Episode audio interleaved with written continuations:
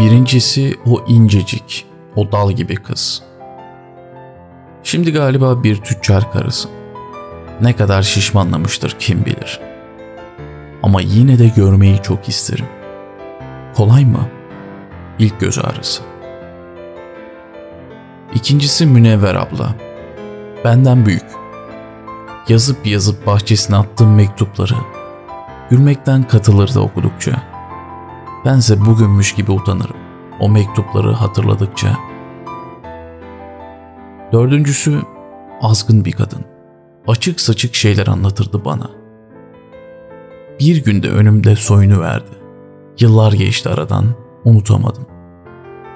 Kaç defa rüyama girdi. Beşinciyi geçip altıncıya geldim. Onun adı Nuri Nisa. Ah güzelim. Ah esmerim ah. Canımın içi Nuri Nisa. Yedincisi Aliye. Kibar bir kadın. Ama ben pek varamadım tadına. Bütün kibar kadınlar gibi küpe fiyatına, kürk fiyatına. Sekizinci de o bokun soyu. Elin karısında namus ara, kendinde arandı mı küplere bin. Üstelik yalanın, düzenin bini bir para. Ayten'di dokuzuncunun adı. İş başında şunun bunun esiri. Ama bardan çıktı mı kiminle istese onunla yatar. Onuncusu akıllı çıktı.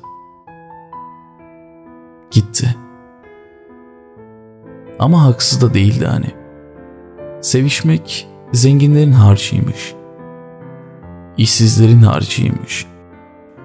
İki gönül bir olunca samanlık seyranmış ama iki çıplak da olsa olsa bir hamama yakışırmış.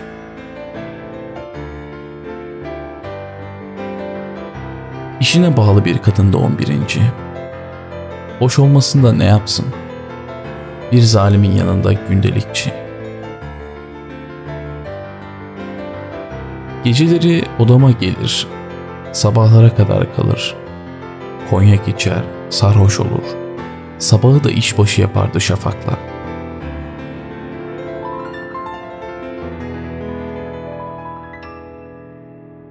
Gelelim sonuncuya.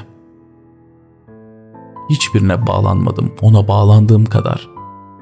Sade kadın değil, insan. Ne kibarlık budalası, ne malda mülkte gözü var. Hür olsak der, eşit olsak der. İnsanları sevmesini bilir. Yaşamayı sevdiği kadar.''